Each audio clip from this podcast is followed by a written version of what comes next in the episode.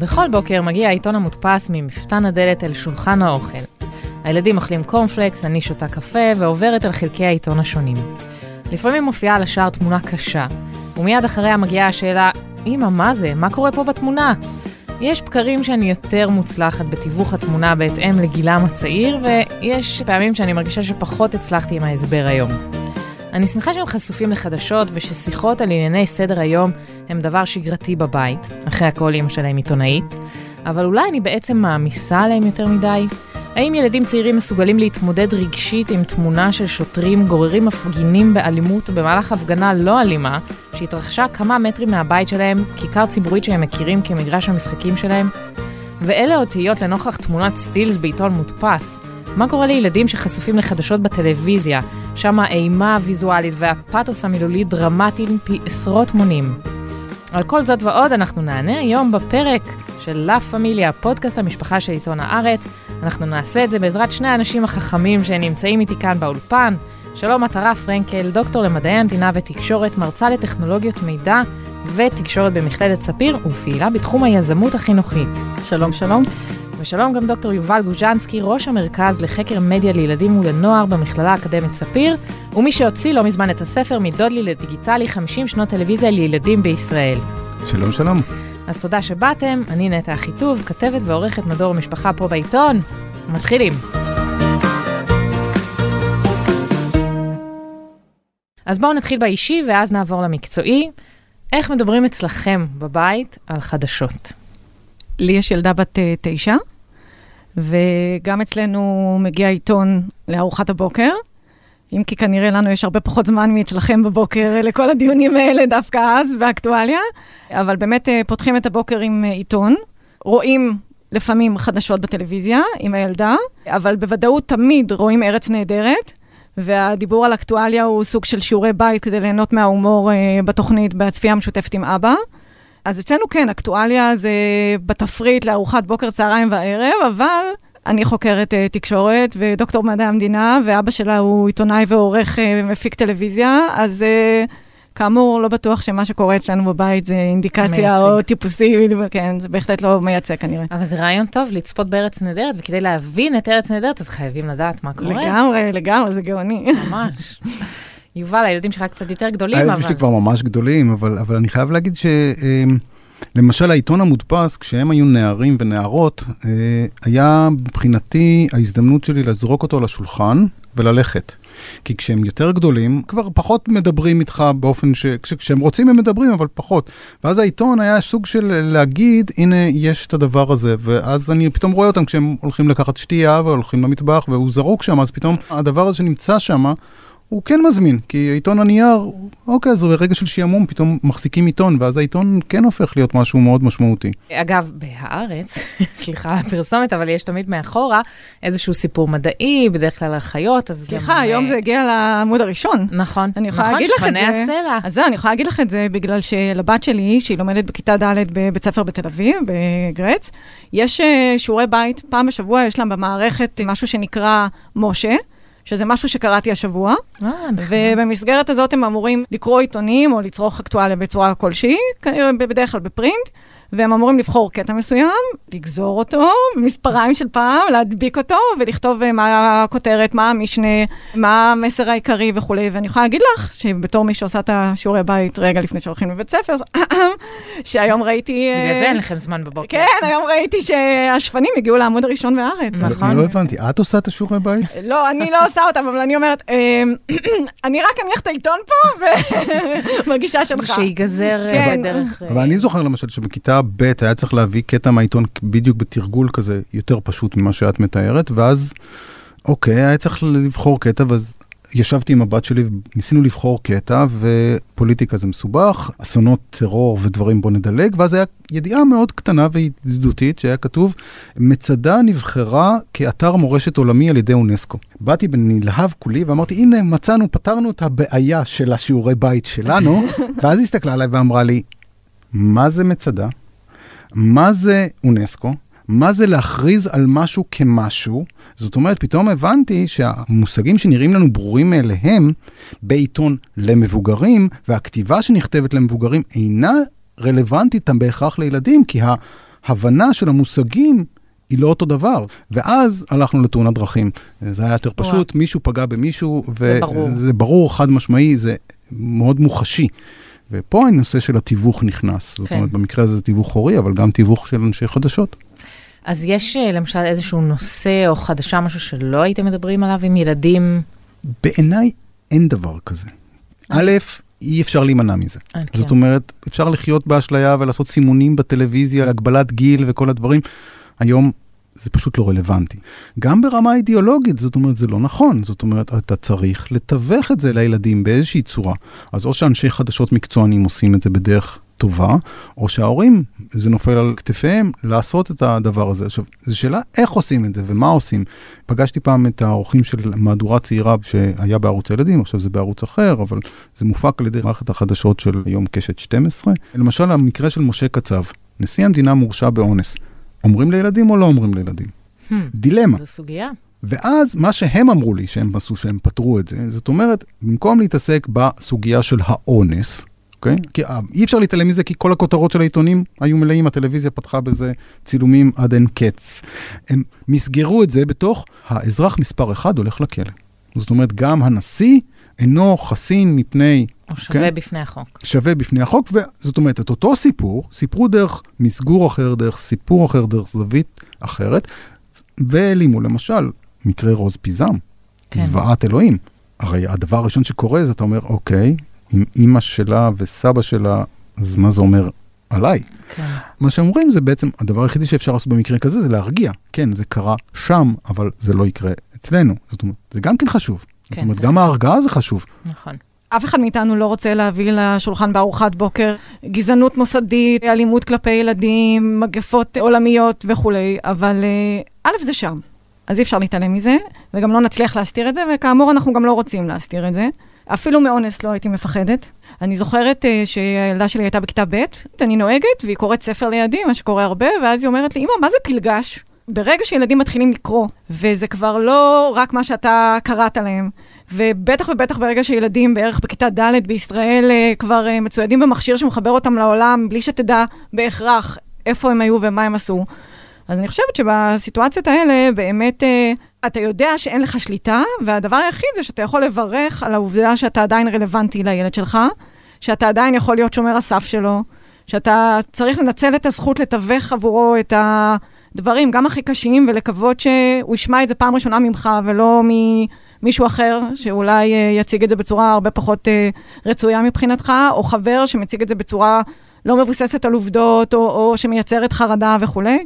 יש שני כפתורי הפעלה גדולים לאנושות, לא צריך להיות זיגמונד פרויד בשביל זה, מין ומוות. בתור הורים, הרבה פעמים אתה היית מעדיף לא לדבר עליהם או לדחות אותם ככל האפשר, אבל אני חושבת שהם מאוד מאוד מרכזיים וחשובים.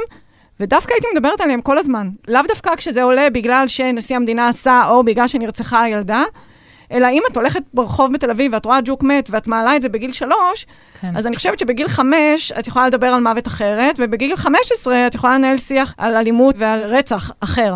ואני חושבת שזה גם יותר נכון. זאת אומרת, כן.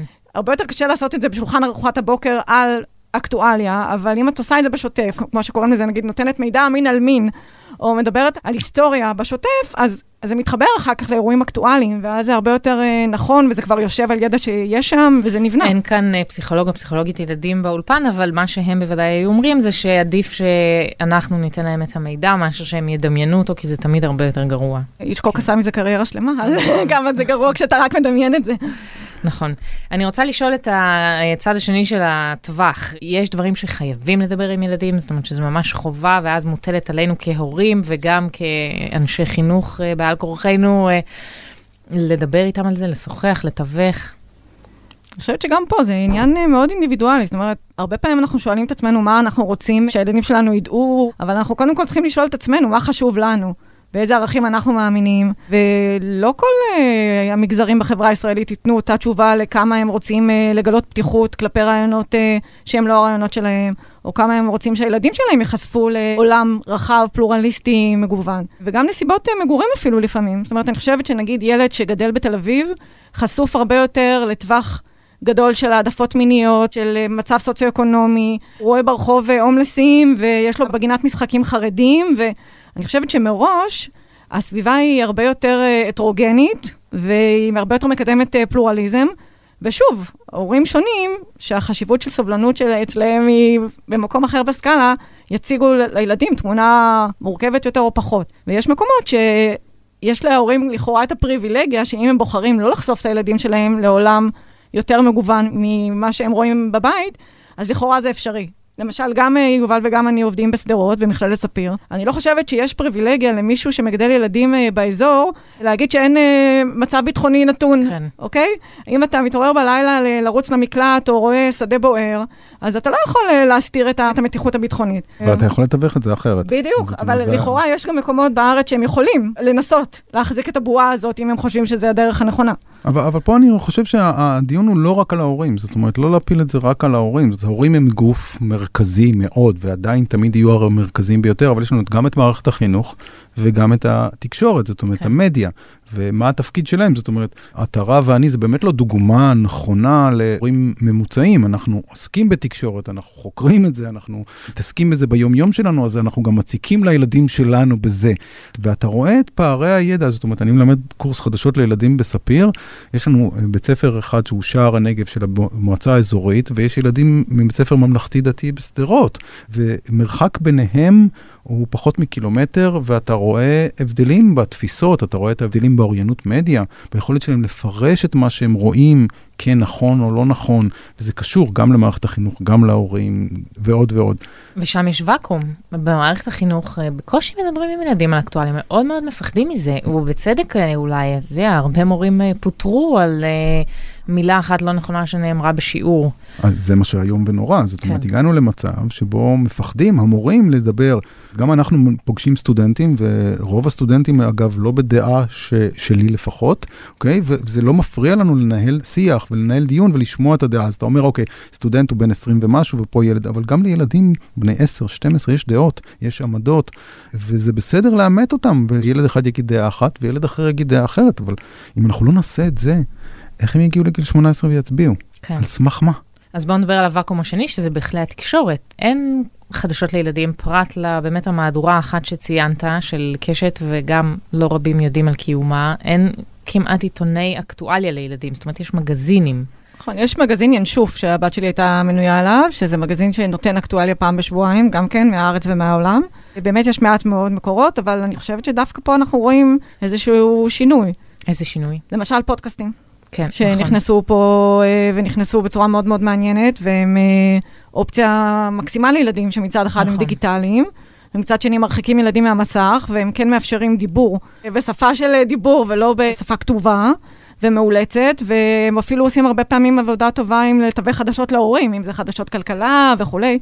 אז אה, גם רואים בעולם כל מיני דוגמאות מעניינות. וגם אני חושבת שבישראל מתחילים לראות יותר ויותר פודקאסטים שמאפשרים תשובות קצרות מהנעשה בעולם אה, כן. ובארץ, אז אני חושבת שאנחנו נתחיל לראות פה שינוי. אני מסכימה איתך שהמצב כרגע הוא לא טוב. כן.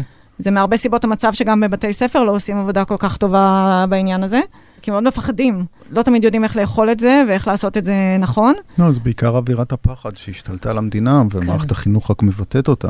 כן, אבל... והצנזורה של ההמון. לגמרי, אבל יש אתר שנקרא חדשות לילדים של עמותת צנונית, אבל הוא לא פעיל. כן. כי אין תקציבים, כי אין מי שיהיה מוכן לשים על זה את המשאבים, למרות שהם מוכרים על ידי משרד החינוך וכן הלאה וכן הלאה. אולי זה המקום לקריאה, זאת אומרת, באמת אין סיבה שכל אתר חדשות בארץ, שכבר יש לו מערכת, שכבר יש לו עובדים, כל מה שצריך זה מישהו אחד שיקדיש לזה את התשומת לב ויעלה באותו אתר גם קובייה אחת שיהיה כתוב חדשות לילדים. זה מאמץ יחסית קטן, וממהדורה צעירה, שוב, מה, מהדוגמה שלהם, גם מבוגרים נכנסים ומקשיבים לדבר הזה, כי לפעמים מסבירים את החדשות, הרבה פעמים אנשים של חדשות נמצאים בתוך... הלופ של הידיעה של עצמם, וכבר משהו ברור מאליו, והם אומרים, מדברים בקודים, זה נורא בולט באנשי הספורט או הכלכלה, שהם ככה מדברים במונחים ושוכחים שחצי מהאנשים שמקשיבים להם לא מבינים מה הם אומרים.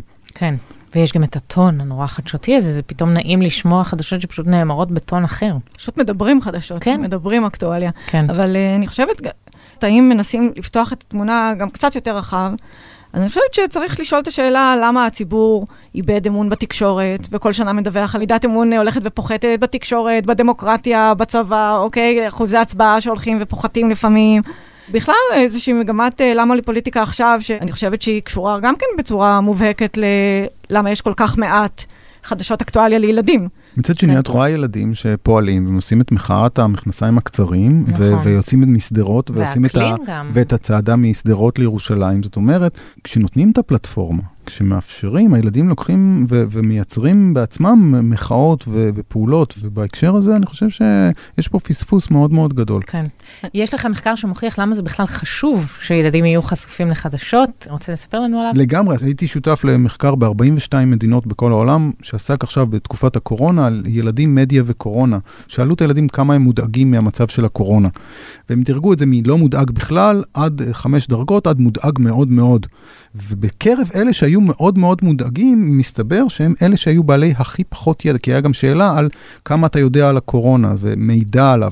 ואלה שהיו הכי מודאגים זה אלה שידעו הכי פחות. לעומת זאת, ילדים שידעו את העובדות, מי חולה, מי בקבוצת סיכון, איך צריך להימנע מלהידבק בקורונה, הם אלה שהיו ב-15% של חשש מאוד גדול, מדהים. לעומת 35%, שליש מהילדים שלא ידעו את העובדות, חששו. זאת אומרת, זה גם יש בזה מימד רגשי כן. מאוד מאוד חשוב.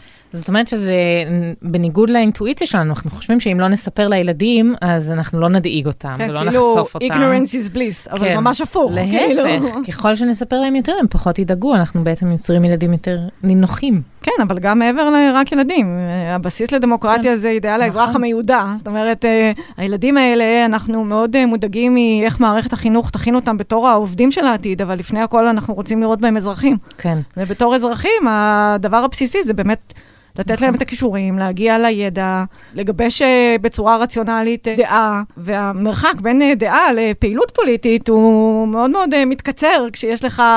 כישורים שאתה מטפח מגיל צעיר של אה, ידע לקרוא עיתון, לרכוש כישורי שפה, לעשות הצלבת מקורות, לדעת איך לעשות תחקיר, להבחין בין מדיה. פרשנות ל... נכון, לגמרי. אוריינות מדיה. כן. כל הדברים האלה הם מאוד מאוד בסיסיים, ואני חושבת דווקא בהקשר הזה, המעבר מתקשורת ממוסדת לפלטפורמות של רשתות חברתיות ופלטפורמות אה, דיגיטליות, והחשיפה של ילדים אליהם, יכולים להיות גם אה, שינוי לטובה. אני זוכרת, בחוויה האישית שלי, את המשמעות של עיתון בית ספר. ואת המשמעות של אה, חדשות מקומיות. וזה דברים שכשילדים, אני רואה מהניסיון שלי עם הילדה שלי שהתחילה פודקאסט אה, חיים בספר של אה, המלצות קריאה לילדים, כשילדים הופכים להיות מעורבים ומדווחים מהשטח, לא משנה אם זה על הנסיבות המאוד קטנות של החיים שלהם, בשכונה שלהם, בבית ספר, זה מכניס, אני חושבת, מימד אחר ומשפר מהותית את היכולת שלהם להיות צרכנים של תקשורת גם מסוג אחר, ואת העצמה שלהם, אפרופו הקשר בין חרדה לשליטה שלהם בעובדות. זה גם מסתדר עם איזו תיאוריה פדגוגית שאנחנו בעצם לא מחנכים את הילדים להיות אזרחים של מחר, אלא אזרחים של היום. היום הם כבר יכולים להשפיע, הם כבר יש המון דברים שהם יכולים לעשות. זאת אומרת, הצבעה בקלפי זה לא הדבר היחיד שהופך אותך לאזרח. אז uh, הנה, הבת שלך פצחה בפודקאסט ביתי, נכון? יחד עם עוד לגמרי, חבר. בזום, שאפילו לא ראתה אותו כל. התקופה. היא שולחת את זה לחברים? היא שולחת את זה לחברים, אבל באופן מפתיע, נניח, הם כבר ראיינו סופרים, סופרי ילדים מאוד מאוד. מצליחים, שדרך אגב, באופן מקסים אה, ממש אה, קשובים, ונותנים להם את כל הזמן ותשומת הלב. ואת רואה איך הילד לומד לעשות תחקיר, ולהצליב מידע, ולשאול שאלות, ולהיות ביקורתי ביחס למידע שהוא קורא, ולנסות אה, לחשוב אה, בצורה ביקורתית על התשובות שהוא מקבל, ולא לקבל אותן כתורה מסיני. ולא ו- פחות חשוב, זה כיף. זה, מה זה זה כיף? כיף. זה כיף מטורף. זאת אומרת, בתוך כן. הקורונה, תחשבי שזה גם עיסוק, זאת אומרת, זה גם התעסקות, זה, זה פעולה, זה, זה, זאת אומרת, כן. האנרגיה שהילדים חוו, נפילת מתח אדירה בזמן הקורונה, כי השגרה מתה, פתאום יש משהו כן. שהוא שלהם. בספר שלך, שראיינתי אותך אליו למוסף הארץ, זה ממליצה לכולם לקרוא גם את הספר וגם את הכתבה, אז אתה אומר שם שבשום מקום לא מלמדים בעצם איך לעשות טלוויזיה לילדים, ובכלל זה גם חדשות לילדים. זאת אומרת, בעצם המחלקה שלך עכשיו, הקורס בספיר, זה בעצם המקום היחיד שבו אפשר ללמוד באקדמיה איך לעשות את זה. יש קורסים תיאורטיים, כן. אבל קורסים מעשיים אין. זאת אומרת, באמת, היכולת שלנו ללכת לבתי ספר, גם הסטודנטים בני 25 שפוגשים פתאום ילדים בכיתה ה', הם לא סטודנטים לחינוך. ופתאום הם נדהמים מהיכולות של הילדים ומהנקודת מבט. עכשיו, עשינו שיעור בזום אל מול ילדים, חלק גדול מהילדים לא הצליחו להגיע כי השיעור היה בשמונה וחצי בבוקר והילדים פשוט לא קמו. סטודנטים הגיעו כי הם מחויבים, אבל הילדים אמרו, אנחנו ישנים, תעזוב אותנו. ג'טלג קורונה. אבל אלה שהגיעו, זאת אומרת, פתאום את רואה את הכתבות, ואפשר לראות את זה באתר שלהם. כתבות, אחר כתבה אחר כתבה אחר כתבה על סיפורי קורונה, מנקודת המבט שלהם. אחת כתבה על המלצות של אחותה, ואחת על הבר מצווה של אחיה בזמן קורונה. זאת אומרת, הם חווים את הקיום, הם חווים את המציאות. השאלה היא מה עושים עם זה. כמו שעטרה אמרה, אם אתה נותן להם לעשות, אז פתאום יש תחושת העצמה הגדולה, אתה מקבל שליטה על מה שקורה במציאות, מה שאתה עושה, נקודת המבט שלך היא חשובה, כי זה באתר, כי זה בפודקאסט, כי פתאום יש לזה משמעות, ופתאום ילדים, אז רגע, אז אני אכתוב עוד אחד, פתאום מתחילים לחשוב כעיתונאים, הרי זה state of mind גם כן. לחשוב, להסתכל על המציאות דרך המשקפיים האלה של, אוקיי, מה אני יכול לספר עכשיו על זה? וגם מהצד השני, זאת אומרת, של המבוגר שנותן ל, לילדים, יש את הדוגמה המופתית והמקסימה של ראשת אה, ממשלת נורבגיה, שערכה מסיבת עיתונאים רק לילדים, מבוגרים לא הוזמנו, וכל הילדים אה, הוזמנו לשאול שאלות. וזה היה פשוט מקסים, ואני מניחה, אגב, שילדים נורבגים באמת פחות חששו מהקורונה אז, בזכות זה. אז אגב, אני, במסגרת הפסטיבל פריז'נה שהייתי בו במינכן בשבוע שעבר דרך הזום, היה את התוכנית הזאת, ובעצם זו תוכנית חדשות לילדים. זאת אומרת, היוזמה לא באה מראש הממשלה, היוזמה באה מתוכנית שעושה חדשות לילדים בנורבגיה, ואז אמרו, אוקיי, יש קורונה. בוא נפנה לראש הממשלה ונבקש ממנה לעשות מסיבת עיתונאים לילדים. ואז הם עשו כיסאות ריקים ושמו מסכים, ועל המסכים הם הקרינו את השאלות של הילדים. ובאמת, אפשר לראות, למשל, באחוז הילדים, באותו מחקר על קורונה ילדים ומדיה, שמודאגים מאוד, בארצות שבהם יש פחות חדשות לילדים, כמו בסאב סהרה אפריקה, כמו במרכז אמריקה, האחוזים היו 43 אחוז של ילדים שמאוד פחדו. לעומת זאת, באירופה, 10 אחוז רק מהילדים פחדו, ובאירופה יש הרבה יותר חדשות לילדים.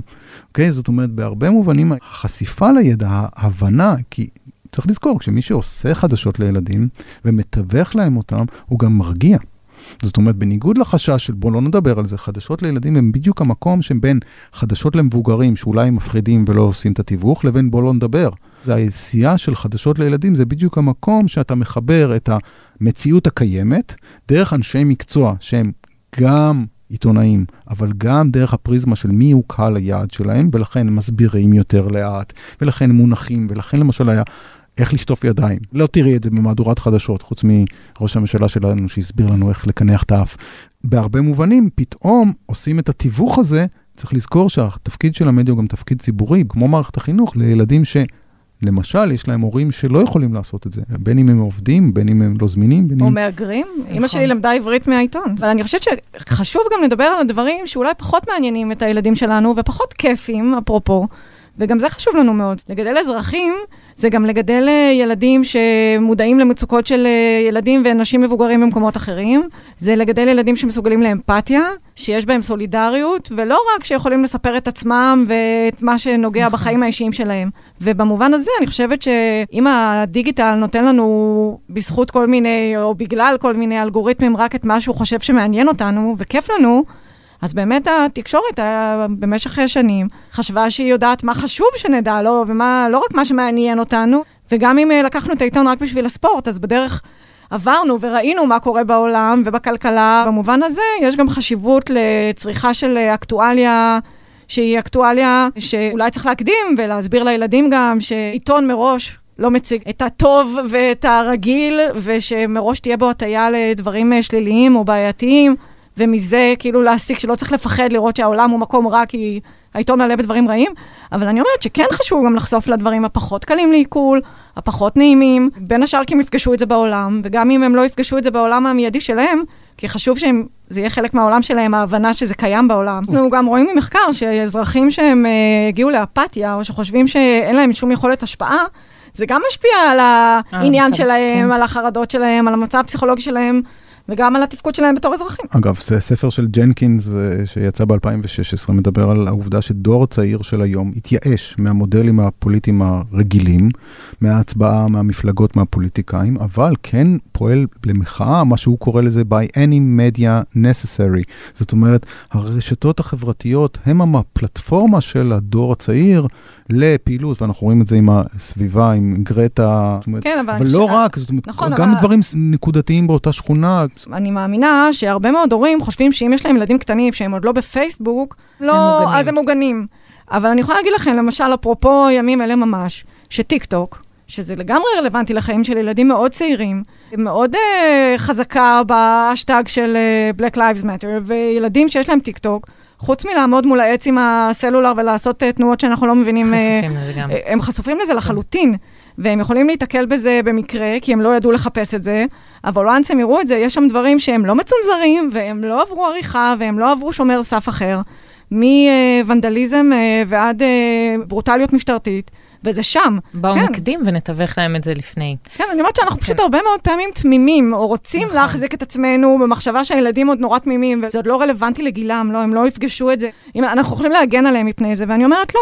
גם הילדים שלנו, בני שמונה ועשר, מאוד מאוד צעירים, יכולים להיתקל בזה, כן. ונתקלים בזה, זאת אומרת. אז כדאי שנקדים אה, לגמרי. ונתווך להם את זה. אנחנו אה, מתקרבים לסיום, יש איזו עצת זהב, משפט מפתח שאתם רוצים לומר אה, בנושא אה, חלום ונושאי חדשות לילדים. קודם כל, אני קצת מסתייגת מעצות אה, זהב אחידות לכל גנריות. האוכלוסייה, אבל אני רוצה לקוות שכל הורה יודע מה הכי טוב לילד שלו, מה מעניין אותו, מה יגרום לו לעניין, אבל אה, לא יפחיד אותו, זאת אומרת, אה, לבדוק בדיוק מה המינון שמתאים לכל אחד. אני כן הייתי חושבת שכדאי אה, לתת את הדעת למה בדיוק הילדים רוצים לדעת כשהם שואלים אותנו שאלה, כי לפעמים, כמו שאת אומרת, אנחנו מרוב התלהבות מביאים עליהם יותר מדי, מעמיסים יותר מדי, ולפעמים שווה לדייק. אני גם מציעה לא פעם, אחרי שאתה גומר לעשות את זה, לבדוק מה נקלט. אפרופו הפערים שיובל דיבר עליהם, כשאתה רואה עיתון ואתה חושב שאה, אוקיי, זה נורא נורא פשוט. יש לי סיפור מצוין, האחיין שלי בן ה-12, היינו במפגש, ואז אה, אחת האימהות אמרה שהם לקחו את הכלב לפסיכולוג, כי הוא היה בדיכאון. אז הילד הסתכל ואמר, רגע, רגע, איך זה עובד? זה הולך לכלב אחר? עכשיו, זה הגיוני. כן, הוא נקודת הבין. המבט שלו, הוא הבין מה זה מי- איך בן פסיכולוג. אדם ידבר עם כלב, כאילו, אז, אז, אז אם לוקחים את הכלב לפסיכולוג, אז אני חושבת שבמידה רבה ילדים מבינים לפי היכולות הבנה של הגיל שלהם. וגם כשאתה חושף אותם למידע, הם לוקחים ממנו את מה שהם יכולים לאבד ולעכל. כן. אז לא לפחד, אני מקווה שניתן להם את התמימות הזאת עוד רגע. לשמוע באוזניים נקיות מגוון של דעות, ובאמת לנסות לקבל uh, את היכולת לעצמם, לייצר סוג של uh, חשיבה משל עצמם, נקייה מהסביבה, גם התקשורתית, אבל גם ההורית, uh, ולעזור להם להאמין שאם הם ידעו, ואם הם יבינו, ואם הם יפעלו, אז uh, זה חלק מהעתיד של כולנו. אני חושב שצריך לזכור שאין דבר כזה נקי. זאת אומרת, אה, וההורים יש להם דעות, וזה בסדר שלהורים. יש דעות, וגם לילדים יש דעות. וגם הילדים הם בני אדם עכשיו. וצריך לזכור את זה, ובמובן הזה אני חושב שזה דווקא טוב שהורים יחשפו את הילדים למה שמעניין אותם. זאת אומרת, זה בסדר. לי יש עניין בתחום מסוים, ו- וזה, תבינו שזה גם, שבו איתי. זאת אומרת, בק- בקיצור, העצה שלי זה לצפות באמת, ולצרוך את החדשות ביחד עם הילדים, לא בגלל שזה אני רוצה, זה המבוגר שיודע, אלא בגלל שזה מעניין אותי, ואני רוצה שתחווה איתי זה חוויה. העולם שלנו, של וזה, שנינו. וזה ואנחנו חוויה חיים שלי, ואתה ו- בן אדם ואני בן אדם, וזה, וזה צריך לזכור שזה שאנחנו, ילדים זה לא רק ה extension שלנו, אלא הם בני אדם בפני עצמם, והתקווה הכי גדולה זה שיהיו חדשות לילדים, הרבה חדשות לילדים. ו- אולי באתר הארץ בקרוב. יאללה. בנימה אופטימית זו, מה שנקרא. לחלוטין. אני מאוד מודה לכם, דוקטור עטרה פרנקל ודוקטור יובל גוז'נסקי. אני נטע אחיטוב, כתבת ועורכת מדור המשפחה פה בעיתון. תודה גם למאיה בניסן על ההקלטה והעריכה, ולאמיר פקטור ושני כהן על כל השאר. בשבוע הבא תהיה כאן נועה לימוני, כתבת המשפחה של העיתון. סוף שבוע נעים.